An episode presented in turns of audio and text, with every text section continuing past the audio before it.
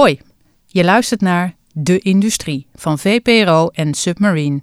Over wiettelers, kookbaronnen en ecstasy-couriers die vertellen over de kick van hun illegale werk in de drugsindustrie.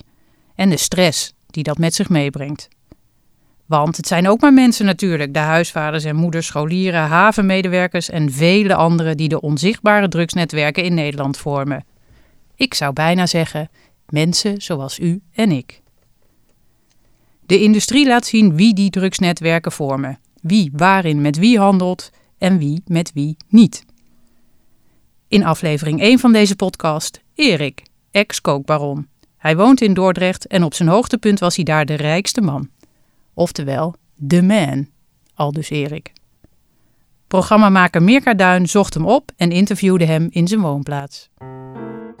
Um, Erik. Erik is in de 50, denk ik. Een hele stille man was hij. Heel dik. ja, een beetje gedwongen. Niet een man waarvan je denkt: oh, dit is een hele grote kookbaron. Nee. Maar dat was hij wel. Ja. Ja, dat was hij wel. Niet meer trouwens, maar hij is het wel geweest. Althans, dat zegt hij.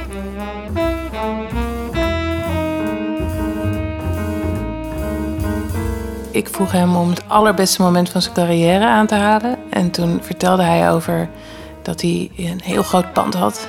Dat hij daar zijn kantoor had en die was helemaal van hout met een heel groot bureau. En dan zat hij daarachter op zijn leren stoel en dan kwamen de mensen naar hem toe. En dan, uh, weet je, om zaken met hem te doen. En dan zat hij daar en dan waande hij zich wel zoals in een film, zoals in Scarface of zo. Mijn naam is Erik de Groot, uh, geboren in Dordrecht. Ik zat op school en uh, toen ben ik in de straatbende gegaan. Uh, eerst stelen, stelen, stelen, stelen, stelen. En toen, uh, een paar jaar later, ben ik gaan drugsdealen. Het stelen ging op een gegeven moment fout. Ik werd een keer te veel gearresteerd. Moest in de gevangenis. En toen zei mijn vriendin, ja, stop er nou mee, maar mee. Of tenminste, dat zei ik zelf ook, want dat was niet de bedoeling. Dan heb ik me om laten scholen tot computerprogrammeur. Maar dat verdiende het niet genoeg. Dus toen zijn we begonnen met dealen. Ik heb 200 gulden geleend. En daar hebben we twee gram cocaïne van gekocht. En uh, dat was in uh, tien pakjes dan verpakt als kwartjes. Hè. en dan gingen we in een losse verkoop doen. Bij hem weet ik niet helemaal wat zijn motivatie was. Maar wat je heel vaak ziet is dat mensen kunnen nooit praten over hun vak. Weet je? Ze zijn toch heel goed geworden in hun vak.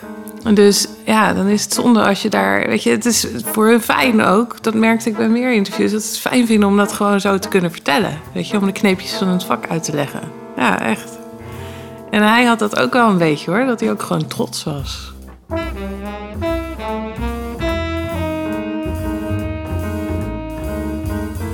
Nou ja, en, en, mensen denken van, uh, van ja, als je deal, uh, dan, dan is dat meteen de groot geld verdienen Mercedes. Ja, maar een deal is ook werken.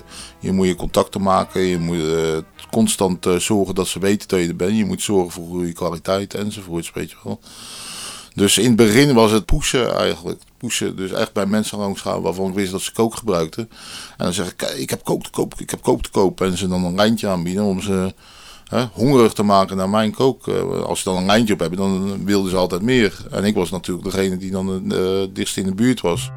De mensen die grammen kochten, dat waren natuurlijk mijn beste klanten. Dus uh, goede service. Had ik ook een apart kamertje voor ingericht, weet je wel. Een gebakjes limonade enzovoort. Weet je wel, wachten bij de telefoon tot het telefoontje ging. En als ze belden, dan hup, zorgde ik dat ik binnen 10 minuten daar was. Alles stond in het teken van geld verdienen. Nou, en dan uh, in het weekend had je dan geld verdiend. En dan, ging je op zaterdagmiddag gingen we dan uh, shoppen of zo, weet je wel. Maar daar, moest je ook weer mee uitkijken, want voor je het wist ging die telefoon. En wat je niet wilde, was dat je geld verloor omdat je niet was. Kijk, als je één keer niet ergens niet bent, dan gaan ze bij een ander. Dus uh, daar, daar moest ik weer rekening mee houden. Dus ja, mijn leven was er volledig op ingericht. Alles stond in het teken daarvan. Toen, toen ik in de groothandel zat, in, in, in Dordrecht zijn er mensen die zeiden dat ik de rijkste man van uh, Dordrecht was. Ja, ik had een paar winkels, dat wel drie om precies te zijn. En een winkel in uh, Curiosa. Uh, dus jukeboxen maar ook boeken, emaille platen, Swarovski kristal. Weet je wel, dat soort dingen. Hadden we nog een, aan, een tweedehandse deze winkel en import-export BV. Ja, om wit te wassen. Wij wilden toch wel die, die bovenwereld in. Dus daarvoor zijn we die winkel begonnen om verder te groeien. Weet je wel. Kijk, ik was niet de enige die een winkel opzette. Mijn contacten, of waar ik die dingen zag, die hadden ook allemaal schaduwfront. kijk, die kook die is verweven met, met, met, met, met telefoonhandel, weet je wel. En allerlei andere toestanden, beveiligingsbedrijven enzovoorts. Dus allemaal met elkaar verweven. Dat zijn allemaal schaduwbedrijven, weet je wel. Dus die winkels was ook een kwestie van, van, van expanding en tegelijkertijd uh, van het uitbreiden van activiteiten en tegelijkertijd toch wel wat legaliseren van geld. Want wij konden eigenlijk niet in dure auto's rijden, omdat ja, we verdienen niet zoveel op papier. En die, die, die maat van mij heeft bijvoorbeeld toen een nieuw huis kunnen betrekken. Omdat we nou op papier wel geld verdienen. Daardoor kon hij gewoon onopvallend een nieuw huis betrekken. Helemaal nieuw inrichten enzovoorts. Ik weet wel, de dag dat ik mijn winkel opende, ja, toen was ik wel de man. Uh, toen zag iedereen, als ik dan ergens kwam, dan zag iedereen, oh, iedereen zijn nek omdraaien van de, de, man is er. Dus nou, dat vind ik, daar was ik wel tevreden mee. Ten opzichte van zeker wiet, maar volgens mij ook ecstasy, is, is de wereld van cocaïne veel harder. Dus wat je merkt is dat uh, bijvoorbeeld de, loopjongens, weet je, de kleine diertjes, dat is, daar is het nog wel oké. maar als je echt hogerop wil, dan moet je ook wel een soort van mate van geweld aandurven en kunnen. En dan moet je ook tegen die stress kunnen. En je merkte dat het toch wel een ander soort mensen waren, die dus dan ook hogerop komen. Weet je, wij doen natuurlijk, we maken geen cocaïne, we doen import-export, weet je, waar Nederland goed in is. En dat komt dan dus binnen in de havens van Rotterdam en van Antwerpen. En dat is een soort van afwisselend. In Rotterdam hoor je veel dat er douaniers worden omgekocht om het binnen te smokkelen. In Antwerpen is het gewoon heel makkelijk, zeggen ze. je, hebt van die scanners voor containers. En in Rotterdam heb je er acht. En in Antwerpen heb je er maar twee, waarvan er één kapot is. En dat weet ook iedereen. Ja, en dan wordt het heel snel weer doorverhandeld naar het buitenland toe.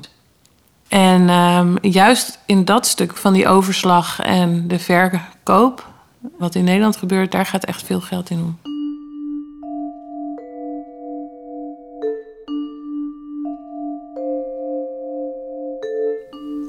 Toen was het zo dat de bedragen mij te groot worden. Ik, ik zeg al, ik ben met 200 gulden begonnen, weet je wel. Dus, dus, nou had ik het opeens over 100 miljoen en dit en dat. Dus op een gegeven moment. Die kookwereld, daar was iemand uh, die heeft 40 kilo, uh, uh, 40 kilo cocaïne. Dat hebben ze achterover gedrukt. Dus die hebben dat gepakt en niet meer betaald. Toen zijn die mensen naar Dordrecht gekomen om te kijken, hey, eh, waar, waar, waar, waar is die kook? En ze zijn door mijn goede vrienden zijn ze naar mij gestuurd als dat ik erachter zou zitten. Ik kreeg het idee mijn intuïtie zei me, en dat intuïtie dat, dat is ontwikkeld in de tijd dat ik stal, weet je wel. Dat, je op een gegeven moment denkt van, oh wacht even, dat nou niet doen, want er komt politie aan, dat soort dingen. Maar dat is ook gebaseerd op bepaalde dingen, weet je wel. Dat ze te veel willen dat je op een bepaalde plek komt. Dat ze, dat ze je op een gegeven moment op een bepaalde manier aankijken. Heel vingerspitsen gevoel, maar ieder geval, nou ja, ze zouden me gaan vermoorden. Dat, uh, dat was voor mij uh, duidelijk. Dus toen ben ik, uh, ik denk, ja, ben ik ondergedoken in Italië. Dus. Maar ja, toen heb ik alles weggegooid. Om maar niet gevonden te worden. Paspoort, uh, elke identificatie heb ik weggegooid. En uh, nou ja, daardoor alles kwijt. Nou, ik kwam terug, er was niks meer. er was niks meer. Dus toen was ik mijn winkels kwijt, toen was ik mijn geld kwijt. En mijn vrouw, die, die dacht geld weg, ik weg. Dus ik was ook mijn vrouw kwijt. En, uh, nou, het was nog 50 gram. Daar heb ik een auto van gekocht en die auto is ook op een gegeven moment, uh, was ook op een gegeven moment weg. Dus uh, ja. Ik, ik ben buitengeschoten van die wereld toen. ja. Dat, dat is, eh, ik, heb, ik heb het nog wel geprobeerd. Maar uh, ja, daar moet je een bepaalde inspanning voor doen. En dat, dan lukt het mij niet meer. Dus, dus ik heb wel sporadisch partijen gedaan, maar het is nooit meer. ik kreeg de kans niet meer. Ja. Dus was wederzijds. Men wilde mij liever niet meer in die wereld. Dat ik echt fulltime erin zat. En anderzijds, ik kon, ik kon die kans niet meer maken. Dat was voorbij. Ja. Achteraf uh, moet ik wel zeggen, ik had meer op vakantie moeten gaan, want ik was nog eenmaal aan het werken. Ik ben nooit echt op vakantie geweest. En pas nu, nou het wat rustiger is, ben ik naar India geweest, uh, ben ik naar Turkije geweest, ben ik Ethiopië geweest. Alle landen van Europa, weet je wel, Italië, Frankrijk, Engeland, weet je wel. Dus dat, dat, dat had ik eigenlijk veel eerder moeten doen.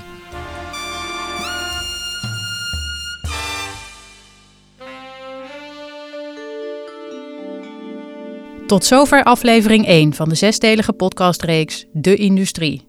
Met in de hoofdrollen ex-kookbaron Erik en programmamaker-interviewer Mirka Duin. Oh, en ik ben Remy van den Brand. In aflevering 2 is de hoofdrol voor Bas, die vanuit zijn woonkamer via zijn website zogeheten designer drugs verkoopt. Tijdens schooltijd natuurlijk, als zijn twee kinderen van huis zijn. En mocht je meer willen weten over de schimmige drugsindustrie in Nederland en de huisvaders en moeders, havenmedewerkers en bijbeunende scholieren die daarin een rol spelen, breng dan vooral een bezoek aan vpro.nl/slash de industrie. De Industrie is een co-productie van VPRO en Submarine en kwam tot stand dankzij steun van het Mediafonds.